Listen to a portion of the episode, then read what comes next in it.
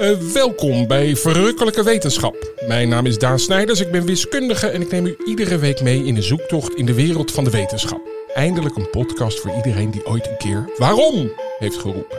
Een vrolijke podcast die afdaalt in de diepste spelonken op zoek naar al het moois dat wetenschap ons kan leren.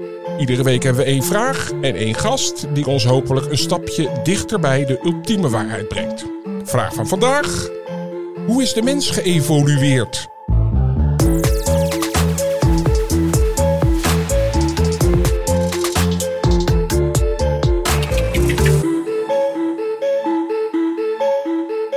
Evolutie. Ik moest daar een beetje aan denken. Marlijn, ik kijk ook met een half oog naar jou. Mijn zus zit er natuurlijk ook. Altijd.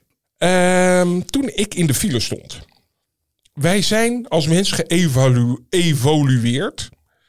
En hebben ons eigenlijk daardoor helemaal onttrokken van de dierenwereld. We zijn koning van de dieren geworden. De heerser van de aarde.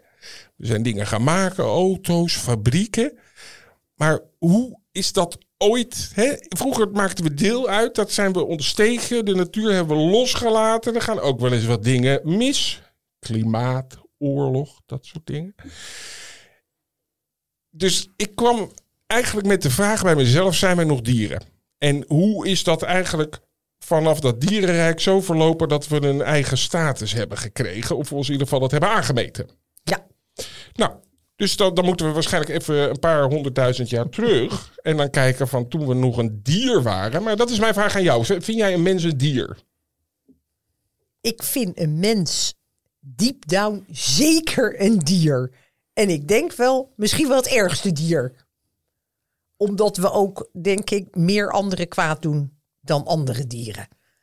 Maar we zitten er ook net boven. Tenminste, ik kan me niet een dier bedenken wat Nee, we zitten niet meer in die voedselketen. Dat is al een dingetje. En normaal eten ze elkaar allemaal op. Ja, wij, zitten, niet meer buiten nu. Ja. Hey, en, en we hebben het over evolutie. Mhm. Dus dan schets ik even, en dan kijk ik ook al een beetje naar uh, de heer Van Stralen, onze gast. Uh, hoe die evolutie is verlopen. We waren eerst een vis. Toen gingen we via een krokodil klein hondje eh, naar een aap en toen de mens. Ik doe dat expres hoor, dat dat volledig fout is. Maar ergens zijn we uit zee nou, gekropen. Ja. en, en, en, zijn we, en geloof jij daarin? Dat wij van een aap komen? Nou, daar gaan we het zo direct nog over hebben. Maar dat wij inderdaad via de evolutie. Ja, daar geloof ik helemaal in. Dat we ooit iets waren wat ergens heel klein leeft. En dat het steeds van vorm is veranderd totdat we wat nu hebben. Maar ik vraag me altijd af of het nu dan nog verder gaat. Nou, dat vind ik ook helemaal. En daar zullen we het zeker ook over hebben. Daar heb ik zelfs zo'n beetje de laatste 27% van onze podcast voor gereserveerd. voor de toekomstvisie. Goed zo. Tijd voor onze gast. Dat is professor Nico van Stralen. Hij is bioloog gespecialiseerd in evolutie met bijzondere belangstelling voor de evolutie van de mens. En daar zullen wij het toch vandaag over hebben. Hij schrijft columns en boeken die de wetenschap dichter bij de mens proberen te brengen. Nou, dat doen wij precies ook met deze podcast. En u heeft onderzoek gedaan aan de Vrije Universiteit Amsterdam. Waar u ook onderwijs gaf aan studenten biologie en biomedische wetenschappen. Um, ik vroeg net aan mijn zus, geloof jij in evolutie? Vindt u dat een relevante vraag? Of zeg je dat is eigenlijk een hele gekke opmerking? Dat is inderdaad een gekke opmerking, ja. Want een bioloog, er is geen enkele bioloog die niet van mening is dat evolutie werkelijk is, opgetreden is en ook nog steeds optreedt. Ja, want ik, ik het is ook een beetje flauw misschien, maar, maar het is wel een theorie nog steeds, toch? Het, wordt, het wordt wel altijd evolutietheorie genoemd. Ja, dat, zo wordt het ook genoemd, maar er zijn veel dingen die uh, zo genoemd worden. Er is bijvoorbeeld ook sprake van de relativiteitstheorie van Einstein. Dat is een theorie, maar met zoveel bewijs dat je rustig kunt zeggen dat is een bewezen theorie. En dat geldt voor de evolutietheorie ook. Er is een enorme overstelpende hoeveelheid bewijs voor het feit dat evolutie heeft plaatsgevonden, nog steeds aanwezig is en ook zeer waarschijnlijk in de toekomst ook zal doorgaan. Oké. Maar eigenlijk alleen mensen die in God geloven, geloven niet in die evolutie. Ja, er zijn allerlei mensen die allerlei redenen hebben om dat, die vinden dat moeilijk om dat te accepteren. Hè? Dus dat uh, wij een gemeenschappelijke voorouder met een mensaap uh, gehad hebben. Mm -hmm. Dat is gegeven onze, laten we zeggen, de hoge dunk die wij van onszelf hebben, is dat ontzettend moeilijk om dat te accepteren. Ja. Maar dat is voor een bioloog geen enkele, daar is geen enkele twijfel over mogelijk. Nee. Er is, geen, er is geen enkele bioloog die twijfelt aan de evolutietheorie.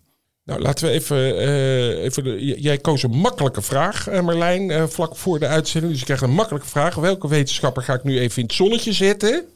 Met betrekking tot evolutie? Darwin? Ja, het is Charles Darwin. Gelukkig. Eh, daar moeten we het toch even over hebben. Die leefde van 1809 tot 1882. En in 1859 heeft hij een boek eh, geschreven. Eigenlijk samen met Wallace, hè, dat moeten we er ook bij zeggen.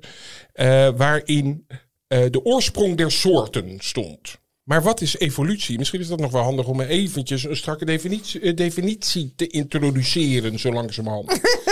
ja, als we het onderwerp bespreken, is dat Ja. wel handig. Eh, ik zou zeggen, evolutie is een verandering, een willekeurige verandering die eh, mens of dier of plant over tijd ondergaat en die eigenlijk beter blijkt te zijn, waardoor de overlevingskansen groter is. En dan wordt dat spoor als het ware gevolgd, want de, degenen die minder goed passen, vallen af. Ja, dat is in grote lijnen is dat precies wat Darwin eh, aangetoond heeft dat er gebeurde inderdaad. Ja. Dus het is belangrijk om te beseffen dat de veranderingen in het erfelijk materiaal, dat die geen richting hebben. Dus een verandering treedt niet op omdat het gunstig is, Ja, maar, een, maar een verandering treedt op. Ja. En er treden talloze veranderingen op. De biologen noemen dat eh, mutaties. Maar sommige, de verreweg de meeste zijn nadelig. Die zie je dus ook niet meer terug. Eh, jongen ontwikkelen niet, eh, komen uit het ei, maar gaan gelijk dood. Komen uit het ei, gaan niet dood, maar kunnen niet eten. Of kunnen geen nakomelingen krijgen, et cetera. Al dat soort veranderingen, die zie je helemaal niet. Dus alleen de veranderingen, de mutaties, die een gunstig effect hebben bij de overleving. Die, die, eh, die verspreiden zich, dat is het verhaal. Ja, dat vond ik ook zo mooi, want het is de survival of the fittest. Ja. Maar dat is dus niet de fitste, nee, maar de meest dacht- aangepaste. ja, de meest fittende. Ja. Dat, dat is het in het Ja. Engels, fittest. Ja, maar dat Die is voor beste onze past. verkeerde vertaling. Ja, ik denk Omdat iedereen denkt van de fit. sterkste. Ja, ja. Ja, degene, de, ja de best, degene die het beste aanpassing heeft aan het op dat moment eh, eh, geldende milieu. Dat is, dat is de fittest. Ja. Oké. Ja. Nou, dan gaan we even naar de mens toe. Eh, ik, ik ging even heel flauw van vis naar krokodil, naar hond, naar mens. Zo is het niet gegaan. Is het wel gegaan een organisme wat eh, miljoenen jaren geleden uit de zee is gekomen? Is, is, is dat wel het pad wat het bewandeld heeft? Ja, Als u dat even in een minuut of eh, anderhalf kunt vertellen. Ja. even, even de hele evolutie van het leven. Hè? Ja, Nou, ja. van de mens alleen. Oh, van de, me- ja. de mens zelf is eigenlijk eh, naar schatting 300.000 jaar oud. Maar voor die 300.000 jaar hebben er wezens geleefd die heel erg op mensen lijken en geen mensapen zijn. Eh, dat gaat terug tot 6,5 miljoen jaar. 6,5 miljoen jaar geleden, 7 miljoen jaar geleden, krijg je dan het verschil, de splitsing tussen de chimpansee bonobo en de mensachtigen.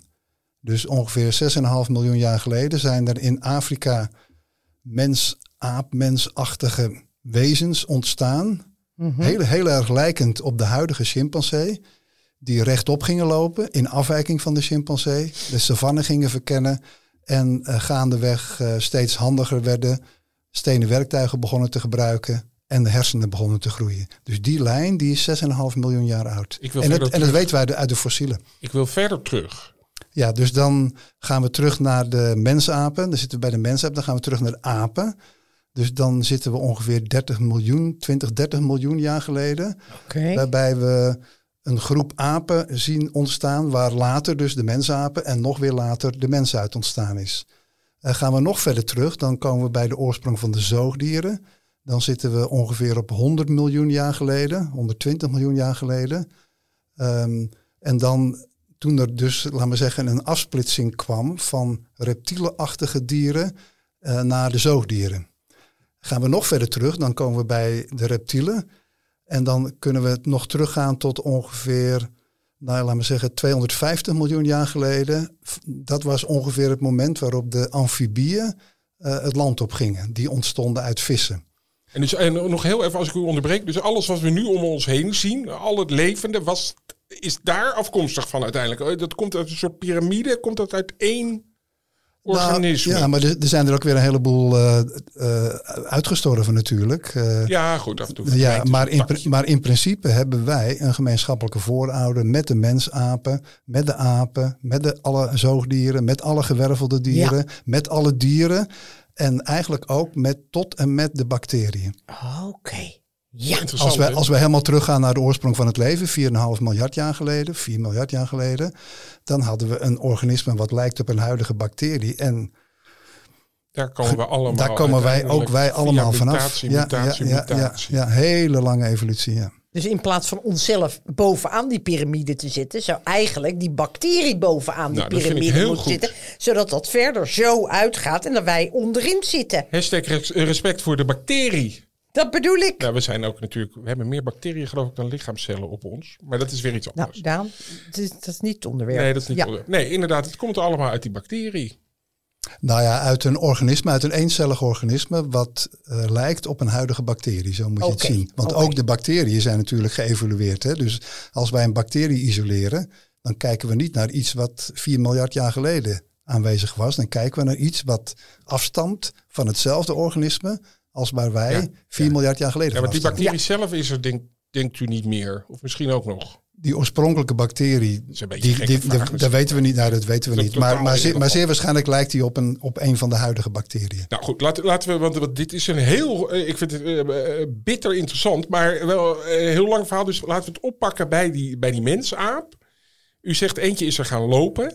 Ik heb gehoord dat ze, dat kwam omdat ze bij een rivier woonden en dat ze dan gingen waden.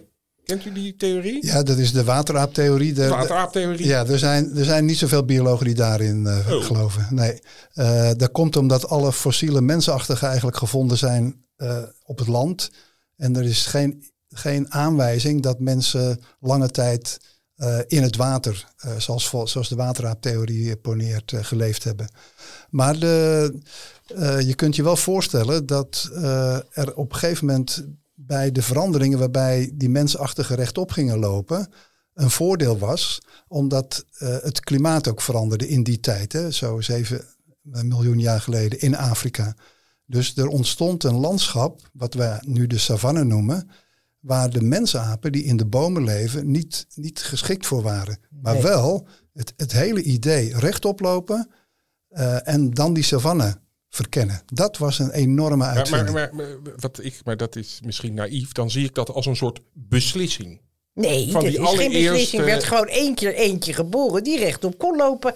En daar ging hij. Ja, maar niet in één keer hoor. Want Oh. eh, we, kunnen ook, we zien ook aan de fossielen dat die allereerste mensachtigen wel rechtop liepen.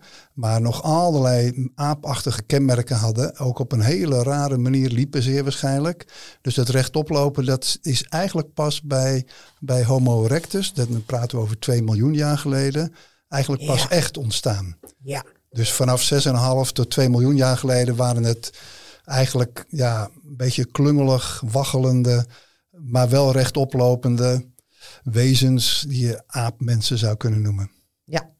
Ja. En dan is het volgens mij heel belangrijk om op dit punt even iets dus uit de weg te helpen. Wij zijn dus niet afstammelingen van apen. Niet van gorilla's of uh, bavianen of bonobo's of... Nou, bavianen zijn geen. Maar dus we zijn niet afstammelingen van de aap. Maar we hebben gemeenschappelijke voorouder. Toch iets anders. Dus het Ja, zijn Ja. neven Oké. of broers. Nou, neven. Verre neef. Dat is een cruciaal verschil inderdaad. Ja, zo moet je het zeggen. Wij hebben een gemeenschappelijke voorouder met de chimpansee, met de gorilla. Met, maar wij stammen niet af van een gorilla. Oh, vandaar dat ik, ook, eh, dat ik ook snap dat die gorilla niet ineens een mens wordt. Nee. Nee. Die wordt ook nooit een mens. Die gaat nooit aan. Nee, die heeft duidelijk zijn eigen pad gekozen. Ja. Er heeft een wezen geleefd waar zowel de gorilla als wij van afstammen. ja Wat ik wel weet is dat wij de enige, maar dan moet ik even een beetje meer ruimte hebben. We zijn de enigen die dit kunnen doen. Zo met je Ja. arm rondzwaaien hè, naar achter.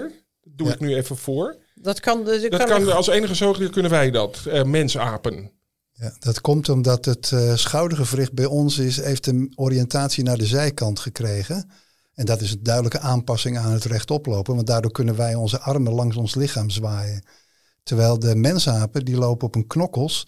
Dus het schoudergewricht is naar voren georiënteerd. En die kunnen inderdaad niet hun armen zo, zoals u Oh, nu doet eh, ronddraaien. Oké, dus alleen mensen kunnen het. eh, Ja, maar mensen. dus, dus een gorilla moet ik daar niet om vragen. Nee, gorilla moet je daar niet om vragen. Nee, nee. Maar we zijn wel, maar dan ga ik, eh, misschien zeg ik dan, eh, eh, de enige zoogdieren ook die niet kunnen zwemmen. Samen met de Ehm, mensaapachtige. En dan ja. zeg je, ja, ik kan wel zwemmen, maar dat moet je leren. Ja, Ja. ja. Zwemmen, zwemmen is, niet, is geen natuurlijke beweging voor ons. Nee. En zwemmen kost, ook als je het energetisch gaat uitrekenen, ontzettend veel energie. Het is een hele slechte methode om vooruit te komen. Nou, we zitten er al een tijdje omheen te praten. Er liggen hier vier schedels. Ja. Hè, daardoor merkt u misschien als luisteraar al een beetje die, de stemming. Hè? Het, is, eh, de- de- het is wat doods misschien, wat doods. Maar er liggen hier vier schedels Ja. op tafel. En de Ja. vraag aan Merlijn Oh, is... aan mij. Want, want dit, dit is dus een reis door de tijd die hier ligt. We hebben vier verschillende... Volgens mij zie ik de mens er al tussen. Maar daar zitten ook onze voorouderen. Dus ik, ik gok de Neandertaler bijvoorbeeld. Maar dat weet ik niet zeker. Eh, deze moet op volgorde gelegd worden. Dat mag jij doen qua tijd. En je mag zelf kiezen of je het van oud naar nieuw of van nieuw naar oud doet. Ik denk dat de oudste de meest gebleekte is waar u... Nee. Nee? Nee? De, Ja, ja Dat dus is met de drie. meest vooruitstekende kaart. Ja, dat is goed. U kunt er meteen zeggen, waaraan zien we het? Dit is eh, Australopithecus afarensis. eh, Dat pieker. een, eh, van eh, 3,5 miljoen jaar oud. Een, eh, een eh, afgietsel van een fossiel wat gevonden is in Ethiopië. eh, bijgenaamd Lucy. Eh, die heb ik speciaal meegenomen omdat het een heel bekend fossiel is. En inderdaad, eh, je ziet dat het heeft een heel klein hersenvolume. Eigenlijk ongeveer even groot als een chimpansee.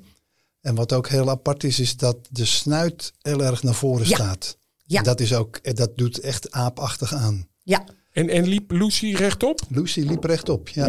ja.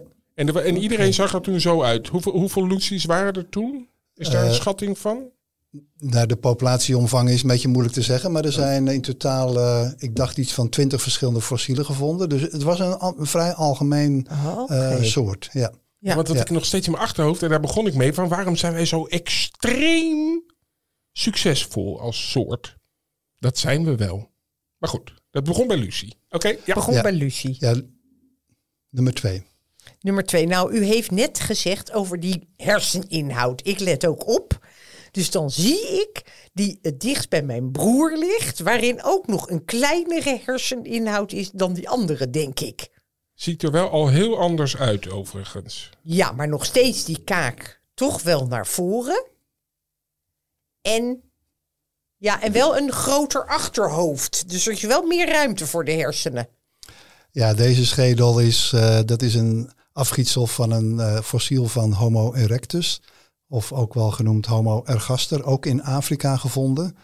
En je ziet inderdaad duidelijk dat vergeleken met eh, Lucy, vergeleken met Australopithecus, is de, het hersenvolume behoorlijk veel groter. Maar de, eh, ook nog erg primitief doet hij verder aan, aan de, in het aangezicht. Dus ook zijn, zijn eh, v- voor, aangezicht staat heel erg naar voren. Maar als u het zo vertelt, dan, dan denk ik dus grotere herseninhoud, slimmer. Ja, dat denk ik in zijn algemeenheid is dat ook wel zo. Maar van de andere kant. ehm, Maar dan, is- zegt u dus dat, sorry dat ik u ontbreek, maar, maar iemand krijgt dan dus, ik zeg, een kind dat een enorm groot hoofd heeft. Bij Ja. wijze van spreken, maar het gaat natuurlijk wat langer. Maar je krijgt dus dat die meer overlevingskansen hebben, omdat die gewoon wat di- dingen wat meer doordenken. ja, over die, die oude uitgestorven mensachtige is dat inderdaad zo. Het hersenvolume is behoorlijk veel toegenomen. Van een chimpansee-achtig volume tot het volume van wat we nu hebben, Homo sapiens. Maar of dat, de- en dat is zeker gepaard gegaan met meer intelligentie. Maar bij de huidige mens is dat niet meer zo. Er is, voor zover ik weet, geen enkel verband tussen het hersenvolume van een persoon en zijn IQ. eh, bijvoorbeeld. Eh, om maar wat te noemen, mannen hebben ietsje grotere hersenen dan vrouwen. Het is echt niet zo dat mannen slimmer Nee, zijn daar dan gaan we vrouwen. meteen eh korte Ja, mee maken. fel op reageren. Toevallig even. Hey, doe nog even die laatste twee, want het is Ja. toch allemaal via Ja, maar wat ik even wilde vragen nog even aan meneer Van Stralen... is als ik Lucy tegen was gekomen... Klein, klein, heel klein zie je. Een beetje gebocheld en heel wankel op de voetjes. Ja, ze liep een beetje slingerend, eh, maar ze liep wel rechtop. Eh, ze was klein, opvallend klein eigenlijk. En ook heel opvallend is eh, dat als je Lucy tegenkwam, was ze behoorlijk klein. Maar kwam je haar man tegen, of een mannelijke vertegenwoordiger van dezelfde soort, dan was die behoorlijk veel groter. Wel Oh, oké. 30% groter. Oké. Maar ik zou haar herkennen als mens. Nee, ik denk dat je zou denken dat het een recht op, op twee benen lopende chimpansee was. Oké. Oké. Ja. Want was Ja. er ook bijvoorbeeld nog haar? Dat weten we niet zeker, maar waarschijnlijk wel. Eh, daar is ook erg veel over gespeculeerd. Maar het lijkt erop alsof het verlies van lichaamsbeharing eigenlijk meer, eh, de, veel later in de evolutie is opgetreden. Eigenlijk kenmerkend is voor Homo sapiens en niet zozeer voor de oudere hominiden. Hey, eh, doe nou even die laatste sorry, twee nog. Sorry, ja, dan eh, denk ik dat die gelige, die geel uitgeslagen, dat die daarna komt. En dat daar links, daar lig ik. Met die hele grote Ja. hersenvolume. Nou ja, die, eigenlijk die, die ene laatste lijkt groter dan de huidige. Klopt dat? Of? Ja, Oh, ja, Daan, heel goed. Wat u noemt ene laatste, dat is een schedel van een Neandertaler. Van de oude man van La Chapelle, ook een hele beroemde Neandertalerschedel. En eh, het valt op dat eh, de vorm van de schedel echt anders is dan die van de mens. Ja, Meer, meer naar achteren in plaats van omhoog. Dat er ook nog een aantal kenmerken zijn, zoals toch ietsje vooruit, vooruitstekende aangezicht. En de hele zware wenkbrauwboog. Typische Neandertaler kenmerken die je bij eh, Homo sapiens echt niet aantreft. nee, nee. Ja. Veel Dus dit- kleinere ogen Dus die, ja. die Homo sapiens, dat is 300.000 jaar geleden. Nee, deze is eh 30, 40.000 jaar oud. Oh, dit is een, dit- ja, dit is uit Frankrijk. Dit is een eh Cro-Magnon mens. Oké. En deze twee hebben dus ongeveer tegelijkertijd geleefd.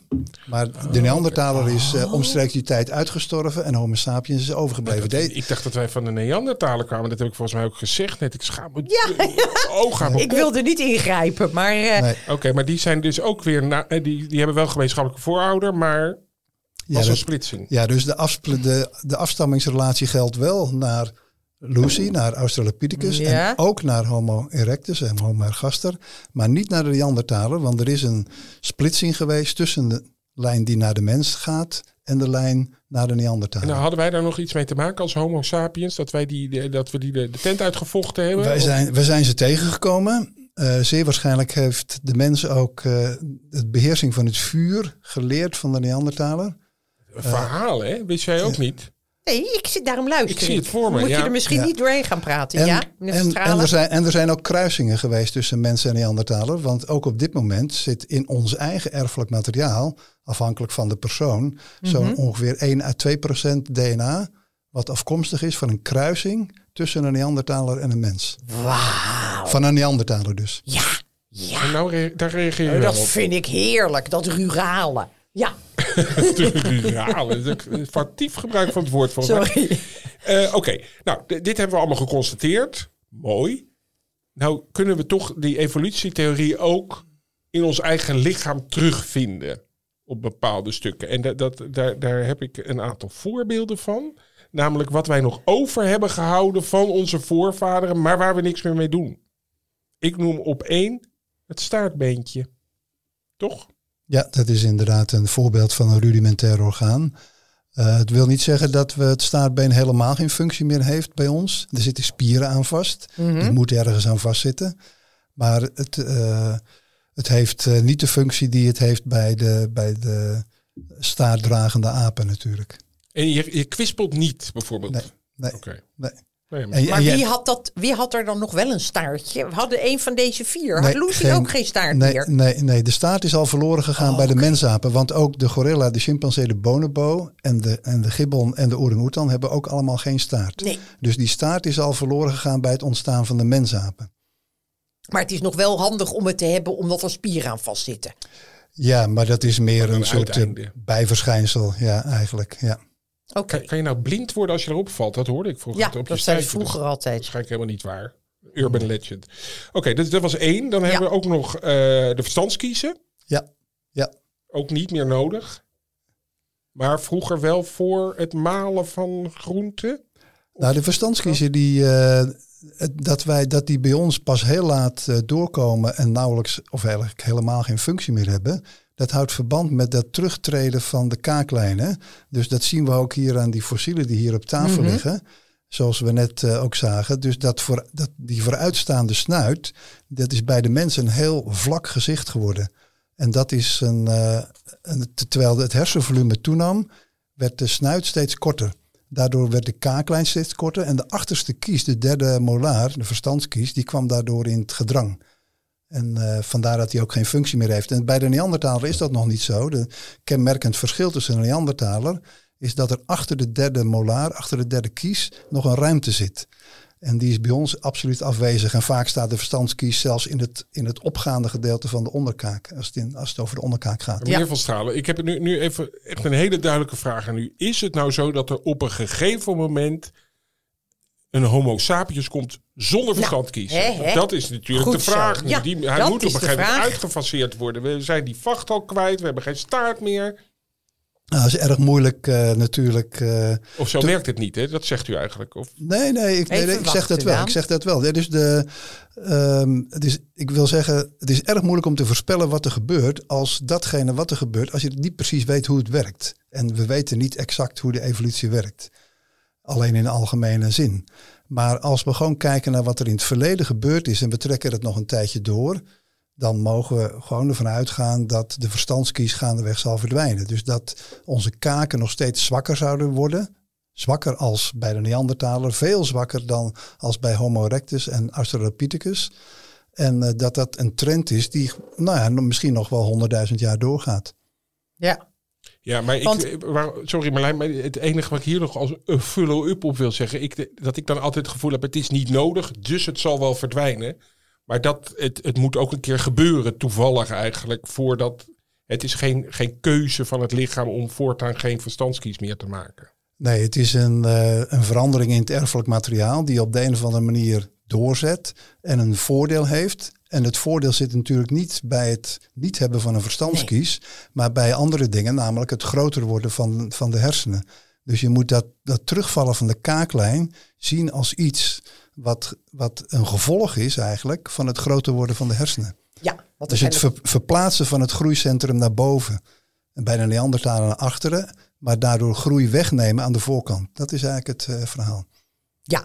Nee, Dus, dus, je, dus, dus je moet niet zeggen dat, dat, het niet hebben, dat het wegvallen van de verstandskies een aanpassing is. Maar het is een gevolg van het groter worden van de hersenen. Van waar je wel iets aan Van hebt. wat je wel iets aan hebt. Ja, Ja, want kijk Ja. of je die verstandskies nou wel of niet hebt, dat maakt voor ons niet uit. Daar word je niet beter van of slechter. Nou ja, als het, als het Oh. een zwaar nadeel zou hebben, dan zou het afgestraft worden Ja. natuurlijk. Hè? En dan dus als wij die verstandskies echt nodig zouden hebben om goed te kunnen eten, dan, dan zou, dat, zou dat niet gebeuren. Maar het gebeurt wel. En dat, dat is ook een gevolg van het feit dat wij een zware kaken niet meer zo goed nodig hebben, niet meer zo hard nodig hebben. Want we kunnen ons eten koken. En, eh, dat, dat, dat kon, eh, die andere, andere mensachtigen konden dat nog niet. Maar is die evolutie, denkt u, denkt u bij de mens, een beetje een halt toegeroepen doordat wij allerlei dingen kunnen doen, waardoor we bijvoorbeeld beter zien, namelijk een bril, en beter horen, een gehoorapparaat, dat je eigenlijk denkt, er hoeft helemaal niet meer verbeterd te worden.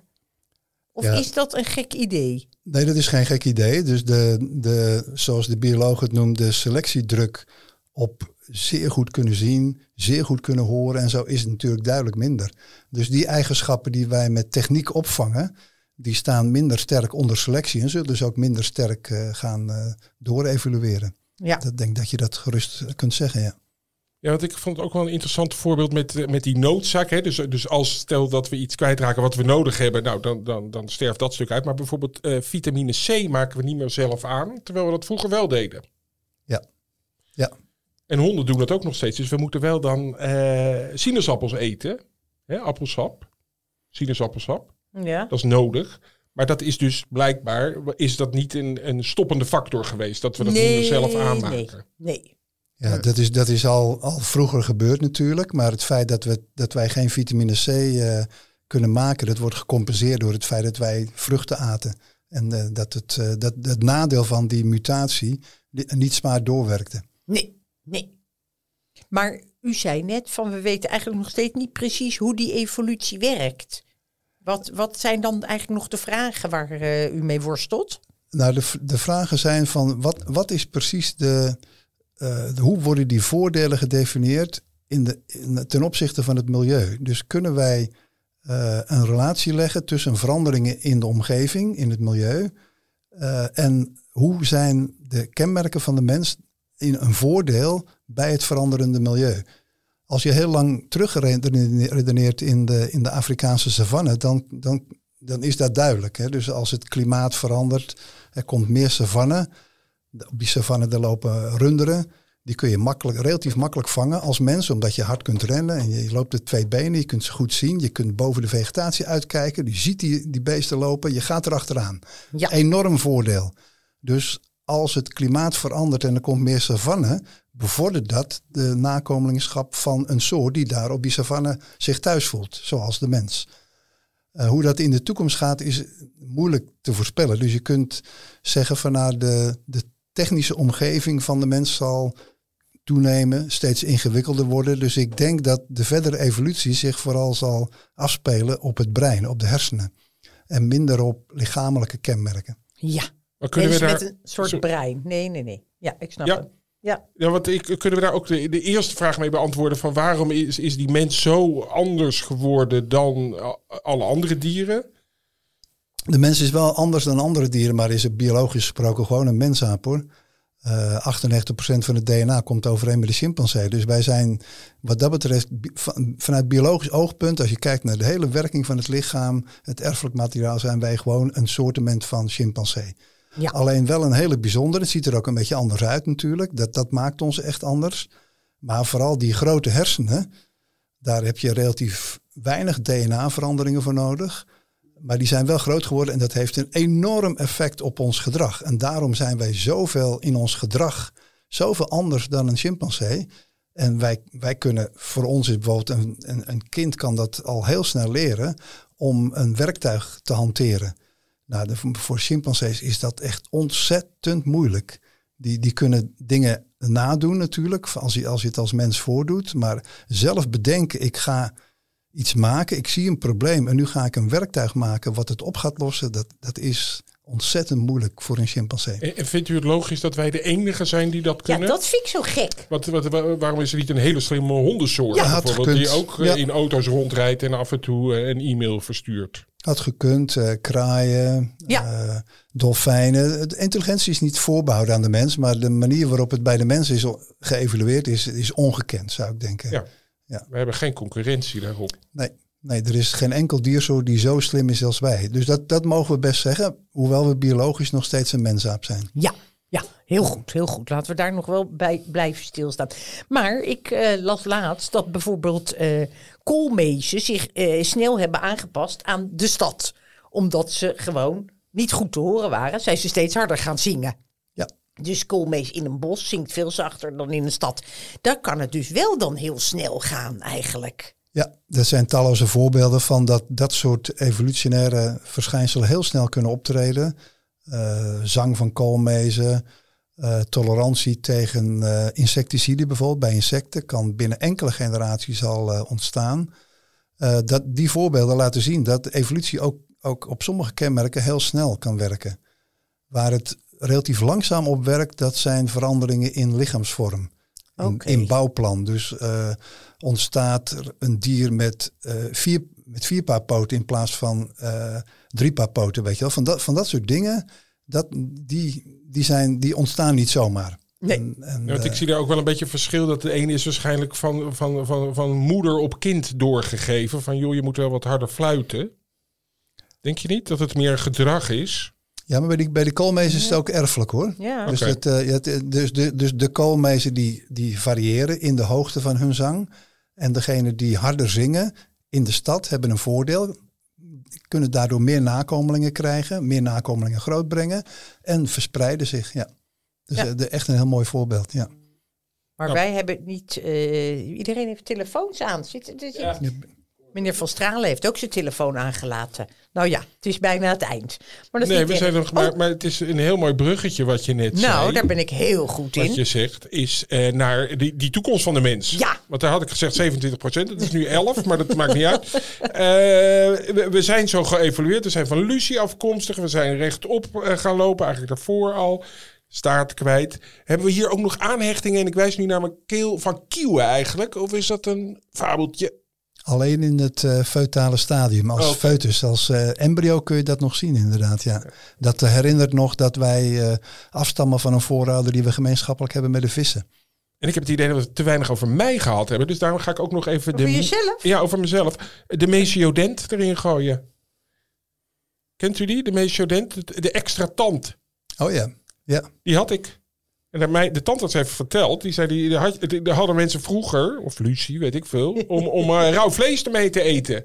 En dat Eskimo's ze ook nog hebben. ja dat, Nou, dat heeft hij jou gewoon verteld om jou belangrijk te maken. Terwijl dat helemaal gewoon een hele erge aandoening Ik is. voelde me heel vereerd. En, en ook Wacht even, meneer Van. Stralen gaat antwoord geven. Nou ja, het is niet, op zich is het niet zo raar. Het is een, eh, een, een voorbeeld van een eigenschap die in het verleden natuurlijk, maar dan moet je echt teruggaan tot de zoogdieren, hè, die meer, meerdere tanden hadden. Want eh, het aantal tanden en kiezen is bij eh, de mensachtige eigenlijk al vastgelegd op datgene wat wij nu hebben. Ja, want kijk, Maar je als ziet je- Lucy heeft ook niet zo'n Nee, tand hoor. Dus als je, maar als je teruggaat, dan, dan zie je een, een eigenschap eh, die, die in de evolutie bij een voorouder eh, tot uitdrukking kwam. Ja. Die, die komt nog terug. Ja. Nou ja, weer, Soms. weer een dingetje wat me uniek maakt. Heel leuk. Ehm, even eh, nog kort. eh, hij, wat- is, hij is eruit, neem ik Ja, aan. het- hij is wel uitgehaald. Ja, dat gaat dat hele stuk verwringen. Dat was verschrikkelijk. Eh, bent u voor of tegen het uitsterven van diersoorten? Nee, daar kunnen we het toch niet over gaan hebben. Ja, natuurlijk wel. Dat is toch ook Oh. dat is evolutie. Ja. Anders Ja, hadden we hier met alle mogelijke dieren nog geleefd. Ja, dat was maar- verschrikkelijk. ja, maar heel even. Er is wel een verschil. Ik ga even voor meneer op de stoel Nee, van ik meneer wil het juist niet politiek maken, lieverd. Niet politiek. Maar ja, het komt die uitsterven komt door ons. Dat vind ik iets anders dan dat het gewoon in de evolutie gebeurt. De evolutie is, is... Wij zijn de evolutie. Je rekent je rijker. Maar wij gaan... eh, Sorry Nee. dat wij dat zo onderling doen. U, Meneer u- Van Stralen. uit- uitsterven is een natuurlijk verschijnsel, dus dat, dat kan gebeuren. Maar ik vind wel dat eh, uitsterven onder invloed van de mens, dus en zeker als het, eh, de mens daar een actieve rol in heeft, dat is natuurlijk dat is niet goed te praten. Dat is Maar verwerpelijk, is dat vind niet, ik. als je het heel groot bekijkt, gewoon ook evolutie? Dat wij dat doen? Dat dat blijkbaar... Of, Ja, behalve, dan, ja, behalve dat de vraag, laat maar zeggen, aan ons gesteld wordt. Hè. En eh, op het moment dat die vraag gesteld wordt, vind ik, dan, dan zijn wij een redelijk wezen. En dan moeten wij ook het belang van het voortbestaan van andere soorten in gedachten houden. Ja, en laten we even eerlijk zijn. Ik denk dat er zijn denk ik een heleboel mensen die zeggen... ja, de evolutie, dat, hè, dat hoort er gewoon bij. Dat sommige dieren het niet redden omdat het te warm wordt of te koud. Ja. Maar wij redden het wel altijd. Omdat wij ons... Nou, met, dat zou ik ook maar niet... eh, wat, dat is niet gezegd, hoor. Dat is niet gezegd, de ja. prognose doen. Ik denk dat wij... eh, Nee, maar ik bedoel meer, eh, ja, het, het klinkt een beetje naar, misschien moeten we het zo direct even uitknippen. Maar bijvoorbeeld eh, mensen met een handicap. Die Ja, dat is, eigenlijk ja. op geen enkele manier zouden overleven zonder machines. Dat is natuurlijk ook evolutie, dat, dat, dat mensen het niet overleven. Maar dat dat, is wel- dat- houden wij allemaal in stand natuurlijk. Dus er is bij ons ook al geen evolutie. Is, dat- is dat waar dat wij tegenhouden? Want, wat, wat de, de, de evolutie kent geen eh, esthetiek, neem ik aan. Nee, nee we hebben, maar we hebben ons wel ontworsteld eigenlijk aan, de, aan die biologische principes. En dat is maar goed ook. Daarvoor zijn wij natuurlijk mens. Dat wij die gehandicapte mens wel Ja. een, een kans gunnen. Zo groot mogelijke kans. Eh, mensen doen daar eh, soms een beetje ja, uitvoerig over. Maar het is natuurlijk, het, het heeft eigenlijk op het eh, genetisch materiaal van de menselijke bevolking totaal geen invloed. Dat, dat zijn eh, dat gaat alleen doorwerken als het ettelijke procenten zijn van, eh, van, de, van de menselijke soort, maar dat is niet zo. Nee, maar ik vind het zo moeilijk dat mensen dan wel zeggen: kan mij wat schelen dat vogeltje? Terwijl je denkt, ja, die kan je dus ook door menselijk gedrag wel in leven houden. Ja, nou, ik ben het ook wel met je eens, maar ik ben hier ook een beetje aangenomen om juist dit soort dingen een beetje prikkelend te brengen, Marlijn. Oh, jij bent voor de prikkels. Ik ben voor de prikkels en Oh, ik ben voor alle dieren, die moeten zo lang mogelijk bestaan, zolang ze ons maar niet verdringen. Want daar, dat is natuurlijk een, de andere kant van de medaille, Marlijn. Eh eens even kijken. Over wie heb je het nu, Bubbe? De toekomst van de mens. Daar Ja. gaan we nog even mee afsluiten. Dus, dus we gaan die lijn door proberen te trekken. Wat, wat voorziet u? Hoe lang blijft de mens nog leven? Heeft u daar een idee van? Ik denk de mens nog wel, eh, de, de gemiddeld genomen leeft een soort eh, tussen de 1 en de 2 miljoen jaar. Eh sommigen veel langer, maar sommigen ook korter. Dus ik geef ons nog, we bestaan 300.000 jaar, dus ik geef ons nog, nog gewoon nog uh, ruim, ruim een miljoen jaar. Ja, dat is toch wat een goed nieuws oh, opeens. Wat een hel. Nee, dat is niet zo raar. Als je, naar het, als je naar het nieuws kijkt, zou je denken, nou, als het nog 20 jaar is, dan hebben we geluk. Maar meneer Van Stralen heeft niet de opwarming van de aarde nu meegerekend, denk ik. Ja, de opwarming van de aarde is een enorm probleem, maar niet een bedreigend probleem voor het voortbestaan van de mens. Nee, zou ik denken. nee. Voor een deel van de. Wel, wel, wel van de manier van leven van de mens, zoals we nu leven. Mhm. Dat wordt erg moeilijk met die enorme. Als de, die opwarming van de aarde er heel erg doorzet. En ik sluit ook niet uit dat er enorme catastrofes op zullen treden. Waarbij uh, je op een gegeven moment uh, overblijft met de helft van de wereldbevolking. Maar dat wil niet zeggen dat de soort Homo sapiens uitsterft. Nee. Nee. Wat, wat de, eh, interessanter dat we ook nog op dat soort dingen terechtkomen. Ja, ik wil nog heel even doorgaan. Ja, ga lekker door. Want gaan wij ons dan bijvoorbeeld aanpassen aan die hitte? Is, is, zijn er dan dingen waarvan u zegt dat zou beter zijn als we dat op een andere manier ja, dat, dat valt wel te verwachten. Uh, je kunt natuurlijk, uh, het is moeilijk om te voorspellen, maar je kunt uh, uitgaan, als je het wetenschappelijk aanpakt, dan zeg je van nou kijk, kijk wat er in het verleden gebeurd is mhm. en trek dat nog een tijdje door. Dan zou ik denken, toename van het hersenvolume lijkt mij een voordeel, ook voor de toekomstige mens. Er zit wel een grens aan. Hè. Wij, wij zitten nu op uh, 1500 cc ongeveer. Uh, op een gegeven moment wordt de hoeveelheid witte en grijze stof die wordt steeds ongunstiger. Dus je hebt steeds meer schakel, schakeldraden nodig om die hersenen te laten groeien. Oh, dus dat gaat, op de duur gaat dat afremmen. Maar dat kan nog een tijdje doorgaan.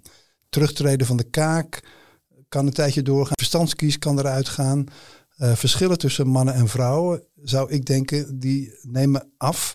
Lichaamsbeharing neemt af. Dat zijn allemaal dingen die sinds, sinds ons ontstaan gebeurd zijn. En waarvan je, nou ja, logischerwijze zou denken, dat kan, dat kan nog wel honderdduizend jaar doorgaan. Maar volgens mij zat jij meer, Marlijn, dat je denkt dat we weer zwemvliezen krijgen of zo door stijgende zeespiegel. Nou, dat soort dingen? daar zat ik heel even over na te denken, maar dat heb ik meteen laten gaan. Want ik denk niet dat wij weer in het water gaan leven. Nee, ik, dat? ik denk het, het, het, het, bouwplan van de mens is niet, niet geschikt om in het water te leven. En je mag ook niet verwachten dat, dat je zulke grote veranderingen bij de, dat die bij de mens optreden. Als je kijkt in evolutionaire stambomen, dan is het altijd zo dat nieuwe bouwplannen, dus een geheel nieuw organisme met meer poten of andere, andere eigenschappen, dat die ontstaan uit de basis van de boom. En wij zitten in de takken, wij zitten aan het uiteinde. Ja. Dus ons lot is om na zekere tijd uit te sterven, uh, denk ik. Waarbij wij dan vervangen worden door een andere tak van de boom binnen de zoogdieren bijvoorbeeld, of misschien nog verder terug. Wat weer leidt tot een hele andere nieuwe soort. Dat, dat zou mijn verwachting zijn. Ja, ik ga jou zo vragen, we hebben een nagesprekje, van welk dier je dan het liefst wil dat de aarde regeert. En ik oh, denk dat de aarde regeert. Ik ben ooit door de Hara Krishna gevraagd welk dier ik terug zou willen komen. Die dachten aan reïncarnatie in diervorm. Ja, maar, ook leuk hoor. Ook leuk. En ik denk dat je hetzelfde antwoord gaat geven, maar ik ga het je zo vragen. Um, u zegt dus, dus die verschillen. Gaan we ook nog ouder worden? Worden we ouder? Want dat lijkt ook wel een stijgende lijn. Ik denk ongeveer het 120 jaar wordt gedacht. Dat dat ongeveer het maximum is wat wij met het huidige lichaam kunnen bereiken. Als we alle normale ziekteoorzaken weg zouden kunnen nemen. Dus e-, echte ernstige ziekten, hart- en vaatziekten, kanker, uh, allerlei stofwisselingsziektes. Als we die weg zouden kunnen nemen, dan zijn we na ongeveer 120 jaar zijn we versleten. Dus ideaal zou zijn als iedereen gezond blijft tot 120 jaar en dan allemaal tegelijk doodgaan. Ja. Ja, nou, daar, daar teken ik niet voor, meneer, meneer Van Stralen. Het spijt me. Ik wil heel graag meedoen aan uw proefje, maar dat gaat... 120? Dat oh, moet er niet aan denken. 120? Oh ja, nee, ik krijg het. Dat, sorry, nee. Gaan, gaan, gaan, we ook andere dingen eten eigenlijk, of niet? Ja, zou ik, zou ik wel denken. Ja, want... Uh, de, we hebben nu een futuroloog aan tafel. Mooi. Het zwakkere, nou, het zwakker worden van de kaak is een trend die je ziet bij, bij Homo sapiens. En dat ja, betekent ook dat wij niet meer uh, die hele zware noten kunnen eten die uh, Lucy nog wel kon eten, mm -hmm. bijvoorbeeld. En uh, wij nu amper en straks helemaal niet meer. Ik denk dat, dat je dat gewoon door kunt trekken. Oké. Okay. Goed nieuws voor Berinta, hoor ik. Gewoon allemaal een beetje slappe pap kouwen. Ja, en een rietje, ja. Nou, we, we, hebben, we, hebben, we hebben heel veel besproken. Ik, ja. ik duizel er nog van. Ik wil de heer Van Stralen voor ontzettend bedanken voor dit, uh, leerzame gesprekken. En ik praat nog even na met mijn zus. Marlijn, ik zei net tegen je. Wat vroeg je ook alweer? Ja, de- de- kijk, op een gegeven moment zijn die mensen zijn op. Dat, dat, dat heeft de heer Van Stralen gewoon heel duidelijk gezegd. Dat is wel, denk ik, wat, wat de heftigste mededeling is geweest. Ooit, ja. Ja, eh, we we gaan niet altijd op deze eh, aardbodem rondlopen. Dus op een gegeven moment verdwijnen wij. En dan wilde ik graag van je weten. En ik denk dat ik het antwoord al weet. Welk dier vind jij dan dat onze plek mag innemen als de heerser van de aarde? Je kijkt heel vrolijk naar me en denkt ook dat er hier iets uit dat brein komt. Maar elk eh, heerser van de aarde. Ja, nee, dat wordt een plek. Hè. Zoals bijvoorbeeld Ja. eh, de- als, als, de, als er erg, de rat neemt ook altijd de plek in van als er een ander zoogdier weggaat. Ik dacht dat jij grote panda zou zeggen. Gadverdamme grote panda. Nou. Nee, dan hoop ik, wat ik hoop, is, is eh, de kraai. Of de ekster. Die vind ik heel bijzonder en heel slim. En die kan ook overal zo'n beetje komen. Kijk, zo'n dolfijn heb je niks aan in dat water. Ja, die zijn wel, ja, die zijn wel heel slim. Ik had eigenlijk nog moeten vragen of we ook nog gaan vliegen op een gegeven moment, maar ik denk het niet. Nou ja, dat, Wat eh, denkt u dat wie, oh. wie moet heersen? Dat zijn is wel zo meneer Van een Stralen. breuk van de format Oh wat ja, je nu doet. sorry. Is dat erg? Nou, doe maar even. Meneer Mag. Van Stralen, wat denkt u? Ik zou denken een vleermuis. Want eh, als de mens uitgestorven is, dan eh, barst het hier van de eh, gebouwen die allemaal leeg staan en openstaan. Een mooie nestelgelegenheden voor vleermuizen. En de vleermuizen die zullen geweldig in aantallen gaan toenemen. Vleermuizen zijn ook, hebben een zekere intelligentie. Ook kunnen heel veel verschillende dingen eten. Hoewel ze ook heel veel natuurlijk insecten, maar ook vruchten eten. Misschien dat er een nieuw soort, een nieuwe groep binnen de vleermuizen ontstaat. Die eh, vervolgens de heerser van de wereld wordt. Ontzettend hekel aan vleermuizen. Ja, krijg dat is dat vliegende mens. Ja, krijg er die een beetje ziet. kippenvel van. En weet je waar je dat is? Kippenvel. Dat is van vroeger nog, toen je een vacht had, om die vacht eh, hoger te zetten, zodat je warmte va- vasthield. Toen wil je dat nog eventjes op de valreep. Een klein leuk weetje. Want we zitten alweer helemaal door de tijd heen. Eh, Marlijn, jij weet Ja. wat je altijd aan het eind doet. Je roept de mensen op om ook eventueel vragen en reacties te sturen naar... Verrukkelijke wetenschap. Apenstaart. Heel leuk. Dat heb Ja. je nog nooit gezegd en dat heb je hier voor bewaard. Marlijn. Kortimedia.nl Kortie met een C. En u kunt zich Abonneren. verrukkelijk abonneren op deze podcast. Dat helpt iedereen. En eh, niet iedereen. Vragen welkom hoor. Vind ik wel leuk als we een keer vragen krijgen. En de vragen stromen Ja, binnen. maar nog meer? zien staan, lieverd. nou, goed. Hey, hartstikke bedankt. Tot volgende week dan weer met een eh, mooie gast.